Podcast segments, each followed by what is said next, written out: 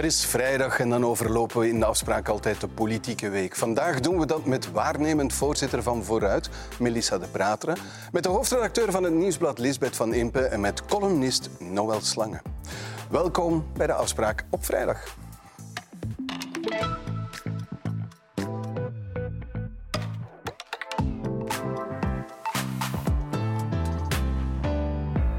Goedenavond allemaal. Goedenavond mevrouw De Prater. Ik zei waarnemend voorzitter, want dat is het wel. Ja. Maar het zijn wel grote schoenen om te vullen. Ja, dat ga ik niet ontkennen, dat is zo. Maar ik ben natuurlijk ook niet helemaal nieuw. Ik heb de voorbije jaren samen met Connor de partij hervormd. Hij als voorzitter, ik als fractieleider. En nu doen we het eh, even anders. En valt het mee? Ja, het is al heel druk geweest, maar ook wel heel boeiend. Dus uh, ik heb toch weer heel veel nieuwe dingen geleerd de voorbije weken. En dat is altijd fijn. Um, en, en wij willen het heel snel terug over inhoud hebben, over de essentie. Dat is Ja. de reden geweest waarom deze wissel is doorgevoerd. En voilà, we zijn meteen aan de slag gegaan. Op de dag van uw aanstelling een heel opvallend beeld. hè. U legt zelf het laminaat, of dat hebt u gedaan. In de... Ja, maar ik, ik wil het beeld eh, aanhalen, omdat ja, het, is, het beeld Melissa de Prater is een arbeiderskind. En dat komt u goed uit als voorzitter van een socialistische partij. Ja, goed uit. Dat is gewoon zo. Ik kom inderdaad uit een arbeidersgezin. En om het nu over dat beeld te hebben, het was nu niet de bedoeling dat dat heel Twitter ging rondgaan. Maar eh, mijn papa belde mij eh, een van de eerste avonden toen ik voorzitter was. En hij zei, ja, Melissa, er zit een eh, interview in uw mailbox. En ik, ja, een interview? Van wat? ja, van het Nieuwsblad. Er is hier iemand geweest. Ja. En die hebben mij geïnterviewd. En ik zei, allee, pa, je moet mij dat wel laten weten. Wat heb je daarin gezegd? En dat was bijvoorbeeld dat ik zelf mijn laminaat had gelegd en bij vrienden laminaat had gelegd. Dat leek mij zelf niet zo bijzonder interessant. Eh, maar hij zei, ja, maar het was een lokale journalist. Hè. Eh, maak u geen zorgen. Ja, dat stond op de voorpagina van de krant. Dus ik bedoel maar, mijn ouders eh, kennen de politiek niet. Ik kom niet uit een politiek gezin. En dat stond heel ver van ons bed eh, toen ik opgroeide. Dus voilà. Het is, Maar het helpt wel. in, wat het helpt, ik weet niet of het helpt, maar het is wel een feit dat voor mij een motivator is. Ik, ik doe aan politiek om te zorgen dat ook mensen die eh, elke dag hard werken, maar het soms moeilijk hebben om ook nog iets plezant te doen of om ook goed rond te komen en de factuur te betalen, dat die mensen erop vooruit gaan. Dat is wel voor mij de reden geweest om aan politiek te doen. Ja, goedenavond, mevrouw Van Impe. Ja, meteen. ja, We hebben blijkbaar de ongefilterde versie gezien. Voilà. inderdaad. Moet zijn, hè? Wa- Was het een logische keuze om mevrouw de Prater als eh, waarnemend voorzitter te nemen? Ik denk als je het eh, slagveld overschouwde, dat het ongeveer de enige keuze was. Het klopt eh, in tandem met Conor Rousseau. En je kon niet, als je al Frank van den Broeke en Caroline Genet opgevist hebt in de regering, dan zeggen van oké, wie uit die generatie die eigenlijk al een stap aan de kant had gezet, gaan we nu ook nog opvissen om, om dat gat te Ja. vullen. Dus ik denk dat het eigenlijk de enige optie was. Maar het is een zeer moeilijke, bijna onmogelijke opdracht om die schoenen te vullen, als we dat beeld nog eens willen gebruiken. Eh, ja, makkelijk zal niemand het noemen. Aan de andere kant, ja, je voelt, er zijn een aantal dingen al klaargezet. Ehm, de vraag is een beetje, Conor Rousseau heeft de partij groot gemaakt. De vraag was ook hoeveel schade heeft hij ze toegebracht in dan die, die, die laatste weken, eh, toen het alleen nog maar ging over alles wat hij, eh, wat hij uitgestoken had. Eh, en dan heb je vooral iemand nodig die terug een stuk rust brengt en, en, en, en eigenlijk op dat moment ook een ander gezicht is, maar wel met de boodschap waar het ervoor over ging. Ja. Iets anders dan Viva Palestina is de naam van een nieuwe partij van Diab Abu Jaja. Ehm, maakt zo'n partij kans? Want het is wellicht in Brussel dat die partij gaat, gaat opkomen. Maar je voelt al meteen Viva Palestina waar het over gaat. Hè? Wat, wat Ja. de gemeenschappelijke... Abu Jaja en Viva Palestina, dan, dan Juist. weet je het wel. Dus eh, zit je daar met een geloofwaardig gezicht, ik denk dat dat het, het thema is dat het meest aan Abu Jaja kleeft. Zit je daar op een thema dat niet alleen over Palestina gaat, maar zich ook een aantal zeer emotionele discussies en, en ideologische discussies in de samenleving en ja, is dat voldoende om in het landschap dat Brussel is met alle partijen die er zijn en de positioneringen die er zijn, het is Vlaanderen niet, heeft toch nog een andere, eh, de, de, de partijen positioneren zich nog anders. Ja, dat lijkt mij op dit moment nog heel hard koffiedik kijken. Maar en kan je met dat thema iets doen in de Belgische, Brusselse politiek?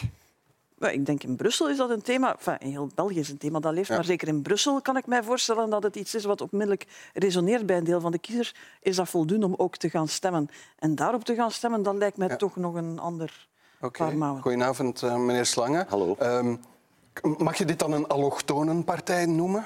M- mogen we zo ver gaan? Ik denk door de manier waarop het gelanceerd wordt, denk ik dat je het wel zo mag noemen. En in dat opzicht is het vergelijkbaar met sommige Nederlandse initiatieven in het verleden, die trouwens allemaal niet erg succesvol Denk- geweest er zijn. is een partij Denk bijvoorbeeld in, denk in bijvoorbeeld Nederland. in Nederland is eh, zo'n voorbeeld. Ehm, de, het speelt heel sterk in op een emotie. Maar een emotie die natuurlijk ook vrij ver gaat. In, in dat opzicht dat ja, Abu Jaja was toch wel, vond ik, nu een beetje aan het uitgroeien tot een redelijke stem. Maar om dan uh, ja, een partij te stoelen op het feit dat je Hamas vrijheidsstrijders noemt, is een stap te ver. Uh, dus het zal wel wat uh, mobiliseren, maar je mag ook niet vergeten dat hier in België ook de andere partijen toch ook wel uh, oog hebben, zowel voor het lijden van de Palestijnen als het lijden van uh, het Israëlische volk. Waardoor je minder eigenlijk daarop kunt kapitaliseren dan in sommige andere landen. Ja, um, hij is van plan, Abu Jaja, om te gaan praten met Fouad Agidar, um, Brusselse socialist die de partij intussen uh, verlaten heeft. Heeft de partij verlaten? Ja, kan, kan dat beginnen werken? Kan dat een soort wisselwerking worden die dan dat die met elkaar gaan praten, dat lijkt me in de sterren geschreven. Ik kan nu echt niet inschatten wat Ahi daar gaat doen, want het is, wel, het is heel specifiek en ik denk dat het ook heel hard op Abu Jaja zal plakken. Ik bedoel, als er nu één thema is waar hij wel altijd vrij consistent over geweest is, is het dit thema, maar ook het thema waar hij consequent ook vaak in de problemen meegekomen is, hè, omdat hij daar vrij radicale standpunten in heeft. Ja. De, kansrekening, allee, de, de, berekening voor zichzelf die Ahi daar gaat maken, daar durf ik echt uh, geen, uh, geen, uh, geen gokje op ja. mevrouw de Pruiter, Fouad Agidar was ook de voorzitter van de gemeenschapscommissie. Um, ja, lid, lid, van uw partij. Is, um, is dat een groot verlies? Um, is dat problematisch dat hij weg is in Brussel? Ik vind het persoonlijk altijd een verlies als iemand uh, een stap opzij zet. En wij hadden Fouad ook gevraagd om onze lijst te duwen. Maar dat was natuurlijk wel wat het ding. Ik, zat, ik had als een van mijn eerste opdrachten het uh, opmaken van die lijsten. En ook in Brussel is daar natuurlijk discussie over geweest. Maar ik vind het persoonlijk belangrijk dat wij met vooruit ook nu opnieuw blijven vernieuwen en opnieuw nieuwe talenten, jonge mensen richting de parlementen sturen. Dat betekent natuurlijk dat een aantal mensen die al twintig jaar meedraaien, een stapje opzij zetten en dus de lijst steunen. Dat was ook de vraag aan Fouad. Um, die heeft voor zichzelf beslist dat hij dat liever niet doet. Dat is uiteraard zijn goed recht. Goed. Meneer Slager, nog een, eh, een ander thema. Maakt kinderarmoede volgens u, want u hebt net een boek uh, geschreven samen met Peter Adriaanses, het DNA van kinderarmoede. Maakt kinderarmoede kans om een thema te worden bij deze verkiezingen, denkt u? Ik vrees daar wat voor, omdat uh, als je vandaag uh, eigenlijk uh, hoort wat de retoriek is, dan heb ik niet het gevoel dat er heel veel empathie in onze samenleving daarvoor rondgaat. En de dooddoener de warmste die... week is, is, ja, probeert, ja. Het, probeert het op de agenda te zetten. Ja, maar een week later heeft dan toch weer iedereen het over de verantwoordelijkheid van de ouders. Hè, terwijl die ouders eigenlijk ook wel worstelen met heel wat drempels en heel wat problemen waar moeilijk door te geraken is. Ik denk dat, uh, dat je die empathie alleen maar kunt krijgen als mensen ook daadwerkelijk inzicht krijgen in wat die kinderarmoede is en wat die drempels zijn. Die drempels zijn reusachtig en starten eigenlijk al in de eerste duizend dagen uh, van een kind. Ja, Wim van Lanker, armoede-expert als je hem zo kan uh, noemen, uh, zei hier, laten we zoals in Zweden doen. hier in vier op de tien gevallen wordt er alimentatie betaald, in de andere niet. Als je dat tien op de tien maakt, dan halveer je de kinderarmoede. Ik denk dat, is dat uh, een van de sleutels? Zeker en vast, omdat uh, een van de meest groeiende groepen in kinderarmoede zijn eenoudergezinnen, die ook heel veel moeite hebben om uh, woningen te vinden. En zeker alimentatie is daar een zeer groot probleem. En als de overheid bijvoorbeeld nu de alimentatie zou innen en zou betalen, dan zou er heel veel opgelost worden, terwijl dat eigenlijk de overheid geen euro hoeft te kosten. Ja, lijkt een heel simpel, eenvoudig en toch heel efficiënt maatregel voor... Ja. Ja, ik denk elke maatregel die de kinderarmoede echt kan aanpakken, dat we daarvoor open moeten staan. Dus ja, dat vind ik absoluut. Maar het zal ook een stuk verder moeten gaan, want ik vind dat kinderarmoede en alles daar ons altijd heel eng wordt bekeken. Terwijl het gaat ook over ons onderwijs, het gaat ook over de kinderopvang. Het is al heel vroeg dat je moet proberen om kinderen zo goed als mogelijk mee te krijgen. Te zorgen dat zij in een goede omgeving bijleren, dat ze de taal leren en dat ze met een goede start eigenlijk aan die schoolcarrière ja. kunnen beginnen. Dus ik denk dat het een heel stuk ruimer zal moeten gaan. Oké, goed. Laten we dan uh, naar een ander thema gaan. Want voor wie het nog niet zou hebben gemerkt, de verkiezingscampagne is wel degelijk begonnen. En voor de meeste politici volstaat het dan gewoon om in beeld te komen, op tv te verschijnen of het gespreksonderwerp van de dag te worden. Voor heel Vlaanderen geeft de peiling uh, dit. 27% voor uh, Vlaams Belang, 21% voor N-VA.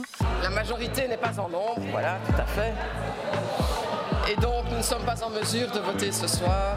Je vous propose de reporter les votes. Diegenen die er wel zijn, die worden gestraft voor degenen die er niet zijn, door degenen die er niet zijn. Um, het is jammer.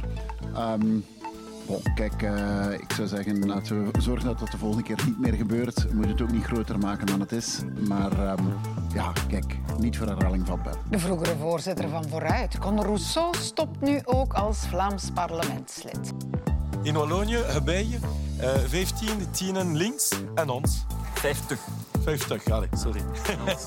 De Sint heeft gezien dat er toch één stout kindje was in Antwerpen. Daar wordt de Sint een beetje droevig van. Maar het is een drukke dag. Ik ga me er verder niet mee bezighouden, jongeman. En voilà. U ziet het goed. The beast is back. Ons land staat in 2024 voor serieuze uitdagingen. Maar dat was in mijn tijd ook. De euro en de staatshervorming, dat was geen kattenpies, maar hebben we toen ook opgelost. Niet met halfwerk, maar doen wat moest. Ja, en soms met wat koppigheid. Maar altijd uit respect voor de kiezer. Ja, mevrouw de Patre, CD&V heeft Jean-Luc Dehane tot leven gewekt. Wat vond u? Ja, ik heb veel respect voor eh, Jean-Luc Dehane als politicus. Maar ik weet niet of dat per se nodig is. Uh, iedere partij kiest zelf hoe dat ze hun campagne Vond organiseren. u een, een, goede deepfake? Want u bent te jong om hem echt als politicus te hebben ge gekend. Dat is een als beetje het ding. Ik hoor dat bij, bij veel mensen. Niet iedereen kent ook nog Jean-Luc Dehane. Dus ik kan het niet zeggen of dat het een goede deepfake is. Ik heb hem nooit gekend. Um, iedereen kiest zelf. Ik zou het zelf niet doen met onze partij. Ik denk dat er uh, genoeg talenten ook vandaag rondlopen om een boodschap te verkopen. En um, ja, als, als je een gids uit het verleden uit de, de hoed wilt toveren, ja, dan hebben wij ervoor gekozen om iemand uh, te nemen die ook vandaag nog een impact kan hebben op volksgezondheid, bijvoorbeeld met Frank van den Broeke, en die ook voor mensen nog het verschil kan maken. Ja, u hebt er lang mee gewerkt, hè, meneer uh, uh, Slange. Ja. Um, zou hij deze uitspraken doen? Um, Jean-Luc Dehaan had een belangrijk principe. Die zei van uh, laat mij, wanneer ik aan het regeren ben, uh, met rust met alle onzin. Maar wanneer het verkiezingen zijn, dan mag men mij eender wat vragen wat de partij vooruit helpt. We herinneren ons de mechanische stier, Mechanische de kus met de zee, zeehond. Allemaal dingen waar ik destijds niet als zijn communicatieadviseur van toen niet gelukkig mee was. Want ik word niet vrolijk van dit soort beelden wat ik allemaal zie. Maar u suggereert dat hij in campagnetijd wel degelijk aan dit soort dingen zou meewerken? Ja, dat wel. Ja? Klopt het beeld um, dat mevrouw de Prater eigenlijk uh, aangeeft? CD&V heeft geen voldoende boegbeelden meer en dus moeten de dode staatsmannen weer tot leven uh, worden geroepen? Uh, dat is een interpretatie die je kan geven. Ik denk dat het partijhoofdkwartier van CD&V het was van uh, we zijn twee dagen overal uh, aanwezig geweest, zowel op sociale media, klassieke media. Iedereen spreekt erover. sommige, mensen, journaal zelfs. sommige mensen worden ja. kwaad. Hoe, hoe, beter kan je het hebben? ik denk dat we allemaal gaan moeten beslissen de komende maanden hoeveel tijd dat we aan elk van die dingen gaan geven. Want, ja, de media we, media, maar ook ja, alle andere hoofdkwartieren die dan denken dat ze daar ook moeten op gaan reageren, afhankelijk van, van wat er gebeurt. Uh, het, het, ding van het is geen respect voor de Hanen. Uh, zijn familie zei het is oké. Okay, um, de Hanen zou waarschijnlijk gedacht hebben van goh, ik zou iets natuurlijker waarschijnlijk geklonken hebben. De, ja, het is een beetje deze tijd dan ook. Iedereen wordt dan de parodie van zichzelf. Hè. Dat is zo... Uh, het wordt uitvergroot en dan kattenpis. Dat is nu niet direct iets wat ik denk van... Dus proberen een stijl te imiteren. Maar, Goed, ja, het is, maar uh, uh, nog een argument. CD&V brengt eigenlijk in het verkiezingsdebat deepfakes. iets... Deepfakes.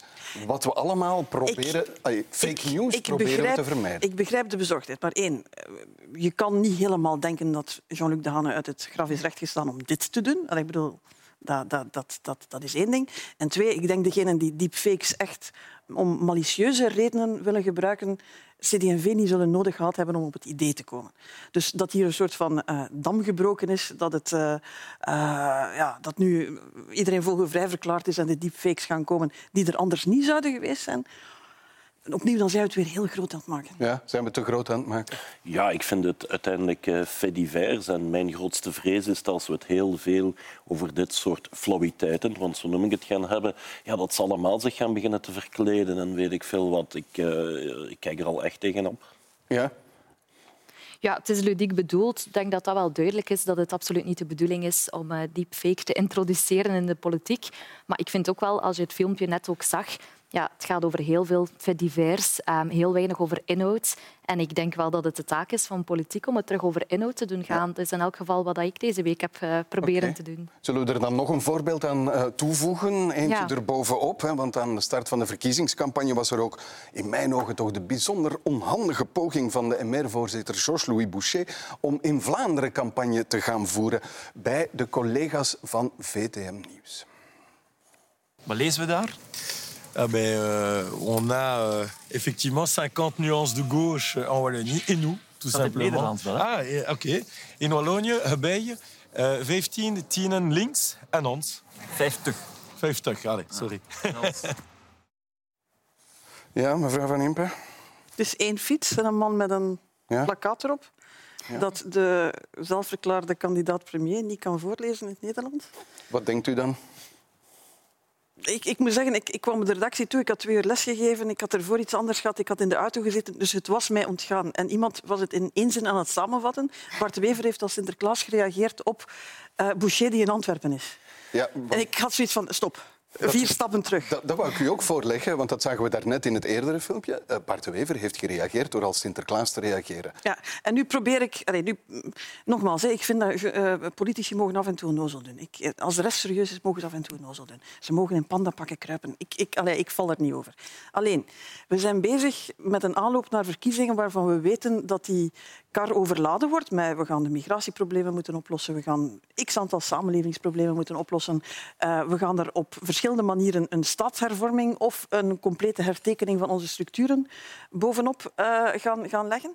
Dan is de vraag van, ja, zijn die politici dat aan het voorbereiden? Zijn die met elkaar aan het spreken? Boucher naar Antwerpen op, een, op de bots. Heeft wel de cameraploegen uitgenodigd, maar dat is het zo'n beetje. En degene die dan uh, zijn laatste afspraak met de geschiedenis heeft, zegt ik heb een Sinterklaaspak aan en er, zijn, er is blijkbaar één stout Ja, kindje. Allee, rijm die twee met elkaar. Oké, ik ga een Ik- ik- poging, ik slaag een er poging niet wagen, meneer Slangen, want het is een antwoord van Georges-Louis Boucher op een ander voorstel van Bart de Wever, nog niet als Sinterklaas, toen hij zei van ik ga lijsten in Franstalig België Ja. En het probleem is dat als je op deze manier natuurlijk erop begint te reageren, dan weet niemand nog waarover dat gaat. En men heeft het heel vaak dat als er bepaalde thema's of, of, of, of zo besproken worden, dat men zegt van dit is eh, koren op de molen van de antipolitiek. Volgens mij is dit allemaal koren eh, op de molen van de antipolitiek. Want dit zorgt ervoor dat mensen zoiets hebben van ach, die politiek, je kunt daar toch niks mee aan. Ja. Ja, u zegt Ja.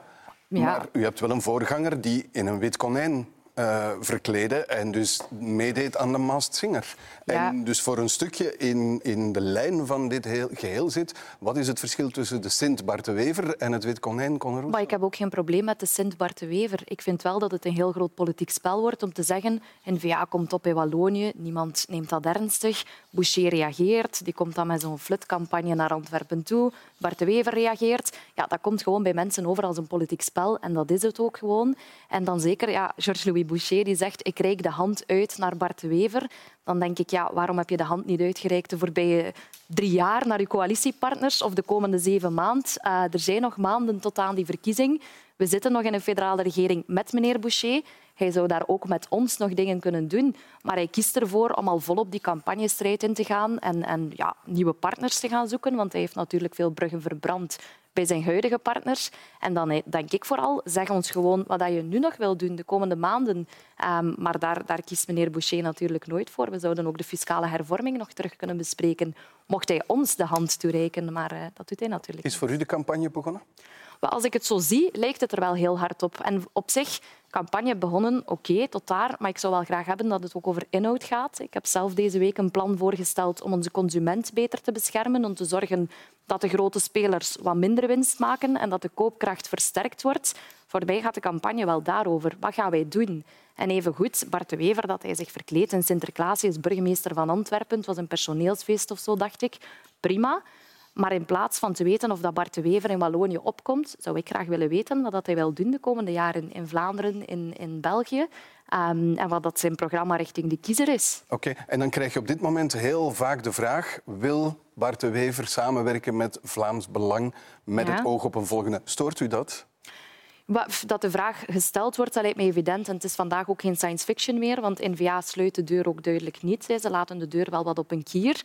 Ehm, maar ik heb gewoon de indruk dat met al dit soort campagnemiddeltjes dat de kiezer al afhaakt van voordat we het over de inhoud kunnen hebben. En dat zou bijzonder spijtig zijn. Ja, de Gazet van Antwerpen toont aan dat er bijna een meerderheid is in Vlaanderen en in de provincie Antwerpen een volledige meerderheid, 53 eh, procent. Mogen we die vraag eh, blijven stellen? Die vraag mag je blijven stellen, vooral omdat het antwoord wel nogal variaties kent. Nu, de peiling toonde twee dingen. Hè. Dat de coalitie N-VA Vlaams Belang eh, stilaan een optie wordt. En dat als je het niet met Vlaams Belang doet, dat is dan de, terug, de, de, de, neergang terug van vooruit voor een stuk, dat je straks toch vier partijen gaat gaan nodig hebben. Dat betekent dat dus het alternatief voor die co- coalitie ook een stuk minder aantrekkelijk wordt. Ja, dan ga je... Dan is de principiële vraag bij N-VA wordt die alleen maar prangender. Hè, van, ja, overwegen jullie het serieus om het te doen En we niet? krijgen daar voorlopig geen duidelijk We antwoord gaan er geen antwoord op krijgen. Ik denk dat, het ook, dat N-VA de inschatting maakt dat het niet in hun belang is om die vraag al te duidelijk te beantwoorden. Ja. Eh, ik denk dat dat voor een stuk moet maskeren dat daar binnen de partij heel verschillende meningen over bestaan. Dat het ook, eh, dat het misschien, als het over één iets eens zijn, denk ik, is dat het waarschijnlijk niet slim is voor hen om op voorhand eh, al te veel duidelijkheid te En toch klaagt de NVA dat die vraag gesteld wordt, noemt ze niet meer relevant. En ja, je krijgt een, een, een hele discussie. Ja, is- het is nog nooit zo Ja, nee, relevant ze is snel oplosbaar, denk ik. Als je gewoon duidelijk zegt nee, die optie is er niet voor ons, voor N-VA, dan wordt de vraag denk ik ook niet meer zo vaak gesteld. Maar het is heel duidelijk dat N-VA dat niet durft te zeggen of niet wil zeggen. En dat toont net aan dat het zeker geen science fiction is. staat daar voor een dilemma, namelijk eh, puur strategisch naar de kiezer toe hebben ze er belang bij om een heel duidelijk standpunt in te nemen. Dat hebben we in Nederland gezien. Maar het eh, klopt wat Lisbeth zegt, namelijk omwille van de interne redenen kunnen ze dat niet, want dan hebben ze ja, zeer, grote, zeer grote problemen. Maar u verwacht dat wel. U verwacht eigenlijk een duidelijk antwoord van de NVA. Ja, als ze willen dat die vraag niet meer wordt gesteld en als we willen weten waar dat N-VA naartoe gaat. Hè, net, dat is natuurlijk de vraag. Hè, wat gaan we doen in de toekomst rond onderwijs, rond kinderarmoede, rond al dat soort thema's. Als het een regering wordt van N-VA met Vlaams Belang, dan vrees ik dat het antwoord zal zijn dat, eh, dat al die kinderen erop achteruit gaan. En daar moeten ze natuurlijk toch ook wel wat duidelijkheid over scheppen op voorhand. Dat vind ik wel. Bart Wever is natuurlijk ook niet van gisteren. Hij weet natuurlijk ook dat zo'n coalitie met Vlaams Belang, dat je daar eigenlijk heel weinig mee kunt doen. Want je kunt die alleen maar in Vlaanderen eh, creëren. En op dat ogenblik maak je eigenlijk, ja, heb je eigenlijk een rode loper voor Vivaldi 2. Want dan is dat, dat nog het enige alternatief. Dus mijn aanvoelen is dat hij strategisch eigenlijk bijna liefst zou willen dat het risico van een coalitie met Vlaams Belang ervoor zorgt dat hij op federaal vlak eigenlijk gemakkelijker zijn wensenlijst op tafel kan zetten en eigenlijk zijn stempel zou kunnen drukken op die coalitievorming richting confederalisme.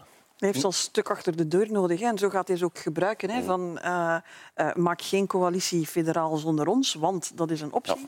Dan moeten ze groot genoeg zijn. Ze mogen ook niet te groot zijn. Dus ja, je zit daar intussen ja, in een verhaal dat gewoon... Ja, maar dat als je de zinnen... Naast, iedere zin op zich is begrijpelijk, maar als je Bart de Wever intussen vijf zinnen na één hoort zeggen, dan raak je niet meer wijs uit. CD&V en VLD moeten een kopje kleiner, moeten dan zonder dat hoofd ja knikken en naast hem een front komen vormen.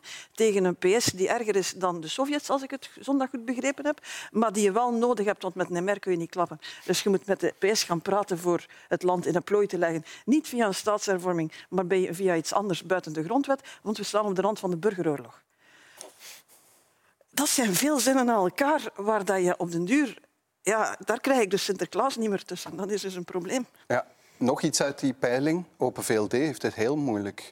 In de provincie Antwerpen onder de kiesdrempel. In de provincie Limburg, want daar was een peiling ook, onder de natuurlijke kiesdrempel. Die hoger is dan 5 procent. Dus geen zetels voor de Open We VLD. hebben de neiging om naar die percentages te kijken, maar eigenlijk moet je ook naar kiesdrempels en, en provincies kijken. Wat eigenlijk betekent dat eh, er inderdaad een risico is dat de VLD in sommige provincies volledig verdwijnt, maar ook dat bijvoorbeeld de combinatie Vlaams Belang en VA geen 50% nodig heeft om een meerderheid te hebben. Ja. Hebt u die peiling? Want ehm, het resultaat van vooruit gaat achteruit. Alhoewel dat er geen... Je kan niet vergelijken, want het is een, een peiling die ehm, uniek is op dit moment. Maar hebt u die ook gelezen als van... Ja, kijk, dit toont aan dat het hele incident rond Conor Rousseau ons procenten heeft gekost? Ja, dat was ook al meteen duidelijk op het moment dat hij een stap opzij had gezet. Toen hebben wij zelf gezegd vanuit de partij, kijk, het gaat al te lang over het gedoe rond Conner, over het gedoe rond de partij en niet over de inhoud. En natuurlijk heeft dat zijn impact. Dat lijkt mij vanzelfsprekend. Maar voor ons is het ook wel duidelijk dat wij eh, absoluut niet terugvallen naar een resultaat zoals ons verkiezingsresultaat. Dat wij er fors op vooruit gaan. Dus de kiezer weet intussen dat wij weinig beloven, maar wel veel doen. Als het gaat over die pensioenen, de koopkracht, over de minimumlonen, over de gezondheidszorg, btw op energie. Dus dat is voor ons de lijn. En net daarom dat ik zeg, het zou weer terug over de inhoud moeten gaan. Dat zal voor ons Maar jullie hebben ook geen goede beurt gemaakt met de manier waarop jullie natuurlijk heel lang Conor Rousseau verdedigd hebben, vastgeklampt hebben bijna. Ik denk dat dat toch ook wel bij de kiezer echt heel slecht is aangekomen. Ja, dat zijn natuurlijk twee zaken. Achteraf is het heel makkelijk om te zeggen we hadden dit vroeger moeten doen. Maar twee, je hebt het rationele en het menselijke. Het rationele, oké, ik zie ook wel dat we misschien veel vroeger hadden moeten zeggen oké, we doen een, wissel in de partij, Conor zet een stap opzij. Maar er is ook de menselijke kant. Conor heeft ook al die dingen die ik net heb benoemd mee gerealiseerd, mee mogelijk gemaakt. Conor is ook degene die mee het verschil zou kunnen maken volgend jaar. En dan plots moet je dat toch wel loslaten en daar wat afstand van Ja, nemen. want er dat is, is toch ook iemand waar je opportunisme van we zijn nu in zijn Nee, nee. stijgen, we hebben nu nee, een nee, Het is ook gewoon iemand waar dat wij vier jaar aan een stuk heel nauw mee samen hebben gewerkt. En daar is ook een menselijk aspect aan. Hè. Ja. Dus ook Zie- ziet, u dat hem terug- ziet u hem terugkomen? Ik heb die vraag al heel veel gekregen de voorbije dagen. En het eerlijke antwoord is dat ik het niet weet. Conor is wel een politiek beest. Hè. Dat is iemand die altijd de dingen in beweging wil zetten, die dat dingen wil veranderen. betekenend dat u het niet weet. Ja, ik denk dat hij het zelf ook niet weet op dit moment. Dat is ook de reden waarom hij zegt ik zet ook een stap opzij uit het Vlaams parlement om echt mijn tijd te kunnen nemen, om daarover te kunnen nadenken, om aan mezelf te kunnen werken. Ik vind dat, vind dat spijtig persoonlijk, maar ik vind dat ook wel een goede keuze eh, van Conor. En, en nu moet hij die tijd gewoon ook nemen en krijgen. En hoeveel tijd krijgt hij? Want oké, het wordt nu eventjes uitgesteld, maar je kan niet, niet eindeloos voor je uit gaan schuiven. Je kan niet om die verkiezing heen, dat is nu eenmaal zo. Hè, want Dus de vraag is, een, natuurlijk... Wat is een deadline voor, voor u? Ik heb daar geen deadline op gekleefd. Ik heb Conor gezegd van kijk, oké, onze verkiezingscongressen komen dit weekend bijeen. Dus in alle provincies worden de lijsten goedgekeurd. Vanuit Oost-Vlaanderen kwam de vraag om dat uit te stellen. Dat hebben we gedaan. Maar natuurlijk, ja, als je een beetje realistisch bent, in januari, februari, denk ik, moet daar wel duidelijkheid over zijn. Want je wilt ook op een goede manier met al je mensen eh, daaraan kunnen Campagne. starten. Hè. Ja, uiteraard, dat moet gewoon. Dus. Kan, kan, hij, kan Conor Rousseau dit van zich afschudden als kandidaat?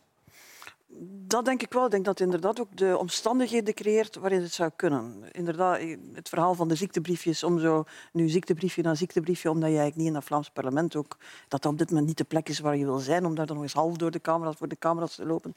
Iedereen snapt dat, dat je dat dan ook effectief doet. We hebben al andere gevallen gezien op dat vlak en dat, dat, dat, ja, dat maakt dat je op pappend kan zeggen, deze periode heeft lang genoeg geduurd, ik ben echt door de woestijn gegaan. Ik kom, kom terug. Ik denk dus dat in de eerste plaats van hemzelf Ja. Zal afhangen. Ik denk alleen, Conor Rousseau lijkt mij niet iemand voor eh, tweede, derde en vierde violen. En eh, de context is natuurlijk gruwelijk veranderd. Hij was de, de redder van de partij. De, de, de jonge gast die er gezet werd, die er naar gesprongen is op het moment dat niemand nog wou of durfde. En daar iets doet wat niemand voor mogelijk hield. Ja, om nu terug te komen is het toch altijd aanvankelijk in een bescheiden rol. Je bent waarschijnlijk geen kandidaat-premier, zal ik maar zeggen. Eh, dat weet ik niet. Ja. Daar, daar hoort hij ook tot een andere generatie politici, denk ik, die ook andere opties hebben. Wat denkt u, meneer Slange? Kan, kan, dat, kan je terugkeren uit, uit die situatie? Ik denk dat hij kan terugkeren. Ik denk ook dat hij nog altijd eh, veel stemmen kan eh, halen. Eh, de vraag zal zijn hoe hij dat aan zichzelf werkt en hoe hij dat ziet en in welke mate dat kan slagen. Want hij had toch ook wel een aantal overmoedige trekken waar hij een zware prijs voor betaald heeft. En ik moet eerlijk zeggen dat ik hem inhoudelijk niet altijd even sterk vond. Ik heb sommige dingen gehoord die ik eerlijk gezegd, en dan heb ik het niet over die avond, normaal gezien alleen maar bij extreem rechts verwacht. Namelijk dat een overheid gaat bepalen welke moeders kinderen kunnen krijgen en zo. Daar heb ik toch zwaar mijn vragen bij gehad. Ja, mevrouw de Praat. Ja, daar ben ik het niet mee eens. Ik ken Conor als iemand die wel heel inhoudelijk is en die altijd, dat is de essentie van bijvoorbeeld dit voorstel, het kind voorop heeft gesteld. Als er zwaar drugsverslaafde moeders zijn die ervoor zorgen dat die kinderen keer op keer geplaatst worden, is het dan niet een optie om na te denken hoe dat we die kinderen beter beschermen en of dat de rechter daar een rol kan in spelen? U blijft, Dus dat bij, is... u blijft bij dat, eh, dat idee. U Ja, zegt maar de ons- overheid Onze inhoud verandert niet, hè, voor alle Nee. duidelijkheid. We hebben die inhoud met Een meerdere rechter, mensen samen rechter bepaald. gaat dat niet beslissen. En voordat je het weet, zit je met een overheid die dat beslist, zoals de, En en zoals de niemand- PMS-centra vroeger besliste wie naar het beroepsonderwijs moest. Maar met niemand die het kind beschermt. Hè. Niemand. Hè. De video's van zo'n kinderen zijn, zijn gruwelijk. En dat is de insteek van Connor telkens geweest. Laat ons die kinderen zo goed als mogelijk beschermen. De manier waarop. Wij willen over alles discussiëren. Maar de realiteit is dat daar vandaag gewoon niet over wordt gediscussieerd. Dat dat debat niet mag worden gevoerd. En dat die kinderen intussen eh, gewoon aan de lot worden overgelaten. Dat Mevrouw is gewoon zo. Nog een laatste opmerking, want uit die peiling van de Gezet van Antwerpen blijkt ook dat de helft van de Vlaming de politieke verslaggevers en de verslaggeving niet vertrouwt. Dat Zitten we daar dan ook met een probleem aan onze kant, om het zo maar te kijken? Ieder instituut zit vandaag met een probleem, ook de pers, ook de klassieke media. Ik denk dat we ons daar ook wel van bewust zijn. Ehm, ik denk dat er ook geen mirakeloplossingen voor zijn. Ze zijn er niet voor de politiek, ze zijn er niet voor ons. Eh, maar eh, we zijn daar wel mee bezig, in de zin van transparanter zijn over hoe we tot verhalen komen. Ik denk als je zou tien jaar teruggaan in de tijd, de manier waarop er met eh, het, het, het, het ge- geroddel in de wedstrijd, de, de, de, de, bronnen, de wandelgangen, daar zit evolutie in. Dat zijn afwegingen die je moet Voldoende maken. voor, voor de kiezer, kijker, gebruiker, lezer?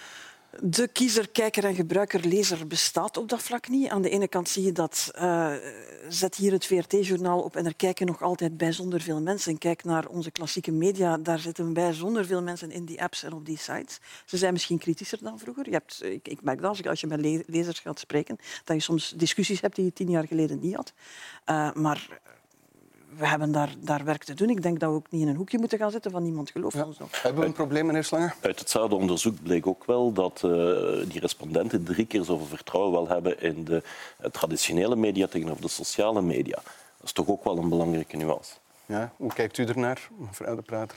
Ja, ik kan moeilijk vergelijken met vroeger, want ik ben dit gewoon. Nee, maar denkt u Ja. dat wij media een probleem veroorzaken, mee een deel van dat probleem zijn? Zal ik het zo formuleren? Ik denk persoonlijk dat de sociale media en alles wat daar gebeurt, zonder grenzen, zonder limieten, hè, iedereen doet daar zijn ding, natuurlijk ook wel de klassieke media wat onder druk zet om iets meer op te schuiven richting ja, Zwaar. minder strikt politiek inhoudelijke discussies, maar toch ook iets meer over alles daar rond. Dat is gewoon zo, denk ik. Als ik hoor van collega's eh, die twintig jaar geleden aan politiek deden, was dat toen wel absoluut niets. Dus ja, je komt ook in een snelheid terecht waarbij dat er iedere minuut nieuws is op sociale media, online. En het, ja, het is zo dat kranten daar natuurlijk ook in mee moeten gaan of andere pers, eh, pers klassieke pers. eh, ja, ik denk dat dat, dat dat moeilijk tegen te houden is. Het is wel belangrijk natuurlijk dat iedereen daar wel probeert eh, de deontologie te respecteren. Maar ik veronderstel dat jullie daar ook continu mee bezig zijn, dat dat zo is. Ik, ik denk dat het eigen is aan alle redacties vandaag dat er ook heel veel discussies over gevoerd worden. Mhm. Je kan dat niet op. eh, Wanneer wordt iets relevant? Dat is een vraag die zoveel moeilijker geworden is. Als, alles, als op sociale media iets overal is en wij denken van, god, niet dit toch? Eh, maar ja, goed. En daar, daar moeten we ons tegen wapenen. Ik denk dat we af en toe ook moeten gewoon zeggen van oké, laat dit maar relevant zijn op sociale media.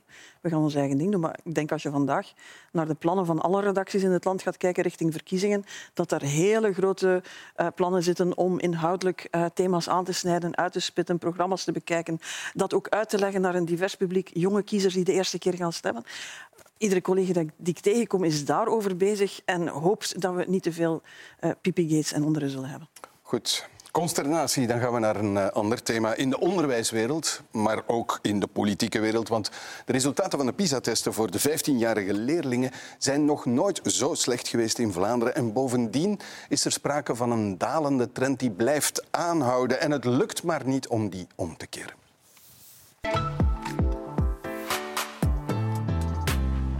Vlaanderen zakt verder weg, zo blijkt. Onze leerlingen blijven voor wiskunde wel bij de toppen horen.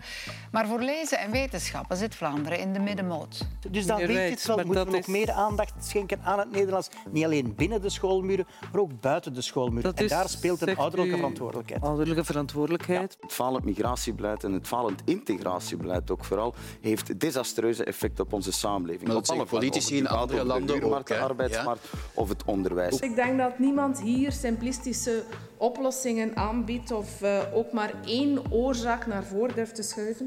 Maar toch durf ik een oproep te doen. Een oproep om echt vertrouwen te hebben in wie het op het terrein moet uitvoeren. De leerkrachten, de directies. Sterk onderwijs begint met sterke leerkrachten die hoge verwachtingen stellen, inderdaad. Daar hebben we vandaag gewoon te weinig van. Kinderen zitten vandaag uren in de studie, hebben soms maanden geen leerkracht Nederlands of wiskunde. Ja, dan gaat het niveau achteruit. Ja, mevrouw De Prater, het is een dalende trend sinds 2003 hè, om radeloos van te worden dat we die tanker, we allemaal, ja. niet gekeerd krijgen. Ja, dat is zo. En ik denk dat daar ook geen wonderoplossing voor is. Maar de lat moet toch echt wel hoger uh, gelegd worden. Zowel wat het Nederlands betreft, dat kwam aan bod, maar ook gewoon algemeen. Uh, ik denk dat het niveau uh, omhoog moet. En wat wij dan verwachten, is dat de minister met een plan komt. De wonderoplossing, ik zei het al, die bestaat niet. En over onderwijs zijn er ook heel veel verschillende visies, zowel binnen als buiten het onderwijs. Maar het probleem vandaag stelt zich wel dat er gewoon helemaal geen plan is en geen visie. En dan krijg je toch leerkrachten die inderdaad te weinig voor de klas staan. Um, en bepaalde ja, niveaus die gewoon duidelijk zakken. En niet enkel voor kwetsbare leerlingen, ook voor goede leerlingen, die op die manier natuurlijk ook wel wat ja. achteruit gaan. Zullen we misschien even een stapje terugzetten? Wat meten we exact in die PISA-testen? PISA wordt om de drie jaar gedaan binnen de OESO. Daar doen heel veel landen aan mee, 80, 90, een beetje afhankelijk ja. van het, de jaargang. Um, wiskunde, uh, leesvaardigheid en uh, wetenschappelijk. Het is een soort van geletterdheid. Kunnen... Is het een intelligentietest? Nee, het is ah. geen intelligentietest. Het gaat eigenlijk op zoek naar... Kan je met uh, die, die belangrijke domeinen in het onderwijs aan de slag om uh, in de wereld uh, te staan? heb je, kan je wiskunde, ben je voldoende wiskundig geletterd om heel elementaire dingen te begrijpen, uit te leggen? Kan je grafiek lezen, maar kan je ook berekenen hoeveel glazen er uit een fles cola komen? Dat soort dingen. Um, hetzelfde met leesvaardigheid. En het ene jaar ligt de, de nadruk was deze keer op wiskunde, dacht ik. Dat de nadruk lag. Uh, en er een, een, een vijfduizendtal leerlingen in Vlaanderen nemen die test af. Die duurt een tweetal uur. Het hoofdthema een uur en dan de, de, andere, ja. bijkomende thema's nog eens een uur. En toch zeggen sommige meneer Slangen dat we die metingen moeten relativeren. Dat, dat het geen goed meetinstrument is. De kritiek die men heeft op, op PISA is dat het nogal economisch georiënteerd is. Maar tegelijkertijd moeten we zien dat uh, andere belangrijke testen, zoals de PIRLS en, en de TIMS, eigenlijk identiek hetzelfde evolutie weergeven. Dus we kunnen het en de TIMS? Ja, dat zijn eigenlijk gelijkaardige uh, internationale okay. testen die eigenlijk de onderwijskwaliteit of de leerkwaliteit uh, meten. En het is niet zo dat we daar ineens heel uh, andere resultaten zien. En ja, zeg maar. I iedere test moet je relativeren en zijn context plaatsen. Maar toen, we, toen ze nog goed waren, dan zeiden we we zijn heel goed. Um, nu ze, ze slecht zijn, denk heel ik... slecht, hè? Ja, nee, maar ik denk dat we ze moeten... met, met, met andere landen... In vergelijking met veel andere uh, Europese landen doen we het eigenlijk uh, helemaal niet slecht. Je hebt natuurlijk wel een aantal Aziatische landen die er sterk op komen. Je hebt ook een paar uh, Europese landen die het opvallend goed doen, omdat zij ingrepen doen. Wat vooral opvalt is dat, uh, dat de evolutie natuurlijk slecht is. We, we gaan nog, achteruit. We gaan achteruit. En we gaan jaar na jaar achteruit. Terwijl wij daarvoor eigenlijk wel bijna een voorbeeldland waren. En wij moeten ons inderdaad afvragen hoe komt dat en wat kunnen we daaraan doen. En u zegt ze vallen mee, maar als het over onderwijs gaat, valt het nooit mee, denk ik. Want het gaat ten eerste over kinderen met een gelijke kans, met een gelijke start aan een loopbaan laten beginnen. Maar even goed, ja, wij zijn een kenniseconomie. Wij hebben geen grondstof, wij hebben geen olie of diamant of wat dan ook. We zijn zeer afhankelijk, en dat is dan wel de economische insteek, maar ze klopt ook gewoon van onze studenten, van onze jeugd, die het in de toekomst moeten gaan doen. En als dan de kwaliteit wel afneemt, is dat toch gewoon een probleem. Het past in een verhaal dat nu al een hele tijd bezig is over problemen binnen het onderwijs, dat je van leerkrachten hoort, wat je, wat je van het hoger onderwijs dat erna komt hoort, uh, waar we met problemen zitten van uh, ongekwalificeerde uitstroom of mensen die zonder diploma de school verlaten ja. en het heel moeilijk krijgen op een arbeidsmarkt. Maar... Het komt ook niet uit de lucht vallen. Het bevestigt een aantal... We betalen eigenlijk de prijs voor een aantal decennia die eigenlijk fout aan het gaan zijn en waarin we gebukt zijn gegaan tussen heel veel discussies, maar toch ook een aantal moderniseringen die eigenlijk totaal de mist ingegaan zijn en die vervolgens Vlaanderen probeert op te lossen door eindeloze eindtermen op te zetten en vervolgens aan leerkrachten te vragen om eindeloze formulieren in te vullen om zogezegd op die manier de kwaliteit te dan verhogen. de koepels naar de... En dan de koepels en dan zijn we hebben al heel veel Ja. op, opgezomd. Nog Dus één, in- één- één puntje, mevrouw Van Impe. Want uw krant schreef dat het gaat over een domme generatie. Onze krant heeft iemand geïnterviewd. Niet alles wat in de krant staat, als er van die kippetjes rondstaan, meneer De Vadder, dan is het iemand Ja. anders die het gezegd heeft. Oké, maar het is wel een heel hard beeld op die manier. Ja, maar dat is deel van het discours dat er nu rond zit. Dit, is, eh, als ik toe heb, een, een quote van Wouter Duik, die, die heel hard in het eh, meegaat met, met Ben Wijts. In, we moeten eh, strenger zijn en Nederlands en noem maar op. Hetgene wat mij op dit moment een beetje stoort, is we hebben een periode gehad waar er gezocht is om, eh, onder andere in het kader van gelijke onderwijskansen, en waar er waarschijnlijk terechte kritieken zijn geweest dat er op een bepaald moment er gekozen werd voor het welbevinden van het kind en dat dan de resultaten maar moesten ja, dat was dan minder belangrijk, daar moesten we niet te hard op focussen. Nu lijkt het alsof we voor de, alsof we voor de omgekeerde keuze staan. Nu kan het niet lat hoog genoeg en eh, de toppers en ja, die die achterblijven, dat is allemaal hun eigen schuld. En we moeten die vooral niet te veel pamperen, want dan gaan ze nog meer gepamperd zijn. En dus dat je, dat je opnieuw voor zo'n soort van binaire keuze staat, terwijl dat kan het toch niet Ik ben zijn. het daar niet helemaal mee eens. In dat opzicht dat eh, precies het beeld leeft alsof dat opkomen van dat welbevinden, dat welzijn, dat dat voor de, de kansarme kinderen was. Terwijl net kansarme kinderen hebben behoefte aan directe instructie. En zijn eigenlijk de grootste slachtoffers daarvan. De, de hele welzijnsgolf is eigenlijk vooral gericht geweest op middenklasse en hogere klasse kinderen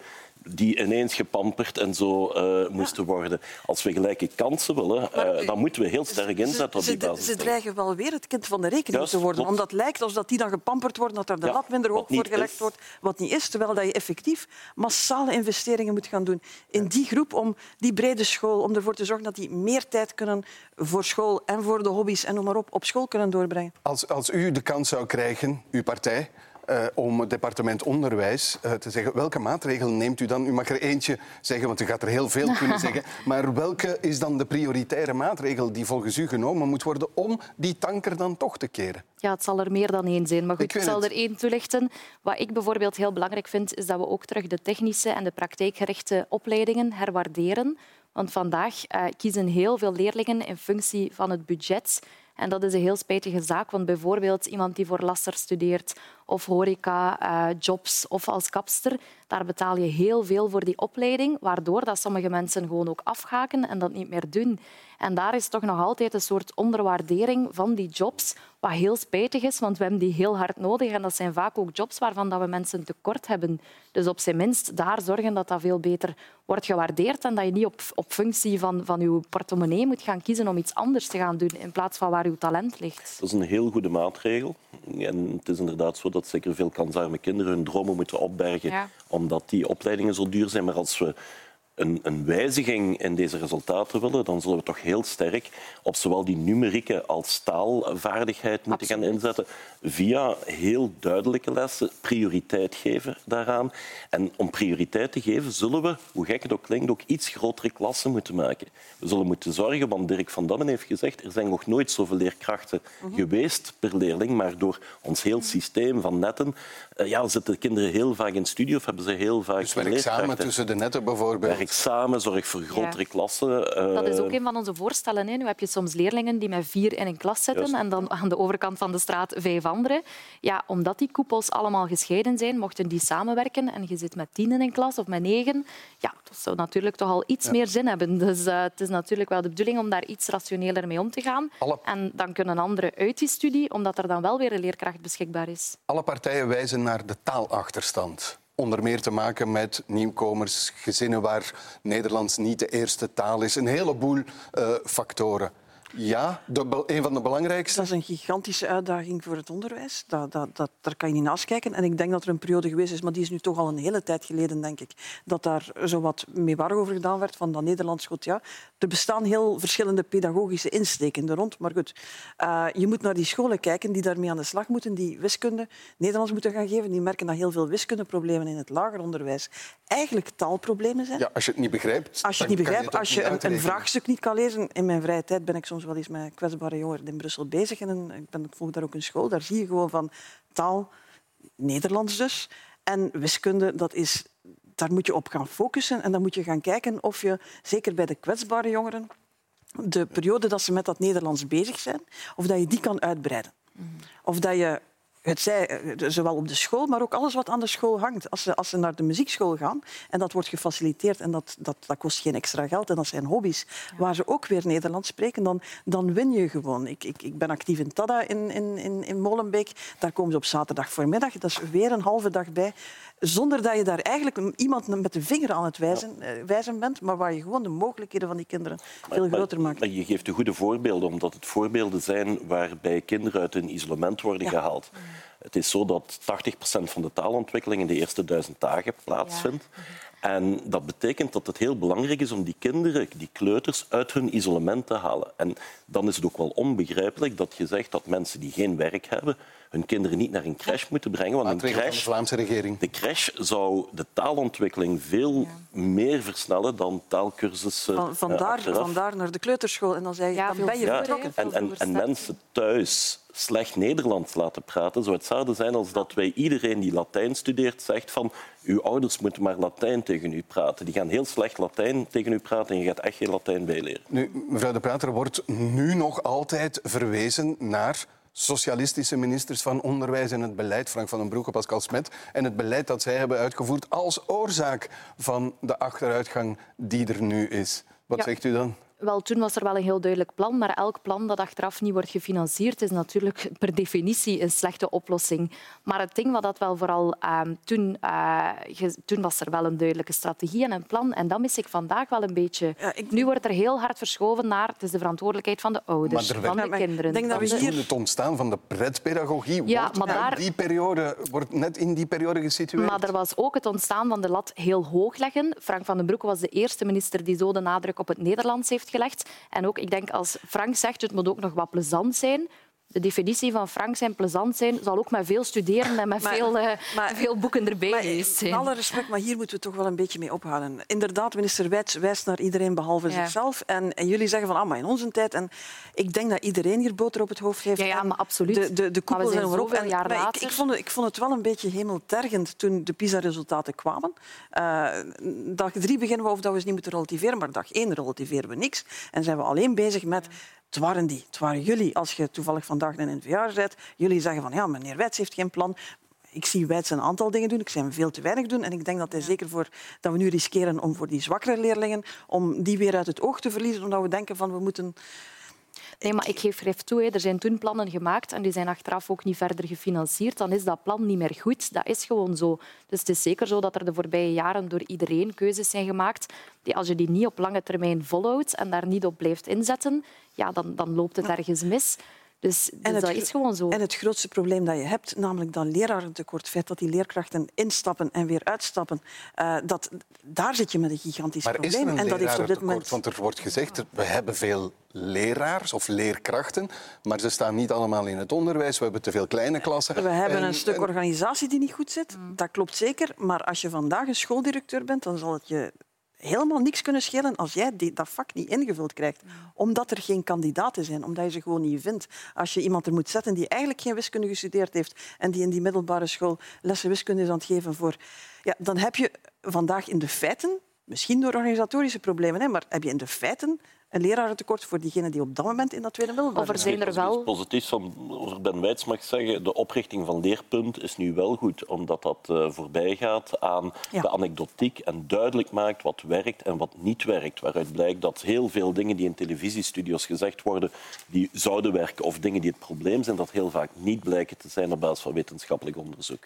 En ik denk dat dat voor leerkrachten... Als je nu met leerkrachten spreekt, tien jaar geleden was dat, acht jaar geleden kwam er iets anders. Ja. Het is van mode naar mode naar mode. Nu gaan we allemaal naar Ierland gaan kijken. Dat, ja, dat en wil ik ook een beetje. Het is dan wel denk weer ik, een nieuw dan denk ik, dan denk ik dat zo'n leerkracht echt denkt van oké, ze hebben, het is gepasseerd. Oké, het was blijkbaar een hype. Ik hoef er mij niet meer mee. Uw, uw voorganger, Conor Rousseau, heeft eh, verschillende keren gezegd wij willen de minister van Onderwijs. Zegt Melissa de Prater dat ook? De minister van Kind. Ik wil het wel veel ruimer dan onderwijs, want ik ben het er absoluut mee eens dat je veel vroeger al kinderen moet betrekken in het onderwijs via de kinderopvang. En wij hebben eh, al een tijd geleden voorgesteld om dat te doen door 130 dagen gratis kinderopvang aan te bieden. Dat komt ongeveer neer op één dag per week. Financieren dat natuurlijk hè, via andere hervormingen. Maar het zorgt er wel voor dat kinderen die nu thuis Meer zitten... via de kinderbijslag wil u daar een stukje geld halen. En Een stukje geld halen, uiteraard. Iedereen die het nodig heeft, krijgt de kinderbijslag. Eh, dat spreekt voor zich. Maar er zijn wel een aantal mensen die mij ook zeggen van kijk, ik heb eigenlijk budget genoeg en de kinderbijslag hoeft voor mij niet telkens weer te stijgen. Dus voor iedereen blijft het uiteraard behouden, maar hoeft het voor iedereen te stijgen? Of kunnen we dat bedrag gebruiken om kinderen veel vroeger met Nederlands, met, met andere kinderen in contact te brengen en ervoor te zorgen dat zij veel beter mee zijn? Maar niet alleen voor hen. Ik denk ook als ik kijk in mijn vriendenkring, daar zijn heel veel mensen die met twee hard werken. Die factuur van de kinderopvang is ook zwaar voor hen. Dus, u- ook voor die groep U zegt zou voor sommige inkomens, hogere inkomens, de kinderbijslag niet meer indexeren. Maar dat is, ook maar, gebruiken. dat is maar een klein deel van het geld, want wij stellen ook een erfbelastingshervorming voor die dan voor de helft eh, dit moet financieren. Dus daar zijn, dat zijn gewoon keuzes die je maakt. Hè. En- Maar als, als we met z'n allen vinden dat het heel belangrijk is dat kinderen heel vroeg in contact komen met de kinderopvang, ja, dan moet je het wel mogelijk maken. En vandaag gebeurt het tegenovergestelde. Er zijn plekken tekort. De kwaliteit is niet altijd goed omdat ze met veel te weinig zijn. Dat is heel moeilijk voor mensen die daar werken. En het is bijna onbetaalbaar. Ja, dan, dan de gaan we het minister niet... van, eh, van Kind zou dan de minister van Onderwijs zijn, maar een stukje de minister van Kinderopvang. Ja, je moet de twee bij elkaar. Dus zien. ga je, ga je elementen van verschillende departementen samennemen en omvormen tot het ministerie van het Kind? Ja, het kind is de voorbije jaren niet genoeg beschermd geweest, omdat alles ook wat versnipperd zit. Dus als we echt werk willen maken van een goede bescherming en een goede start voor al die kinderen, denk ik wel dat dat een oplossing kan zijn. Ja. Goed, dat is het einde van deze afspraak op vrijdag. En daarmee is weer een politieke week netjes neergelegd. En zoals altijd dank ik mijn gasten voor de deskundige hulp daarbij. Melissa de Prater, Lisbeth van Impe en Noël Slangen. En u, dames en heren, dank dat u er weer bij was. Tot volgende week. Bye.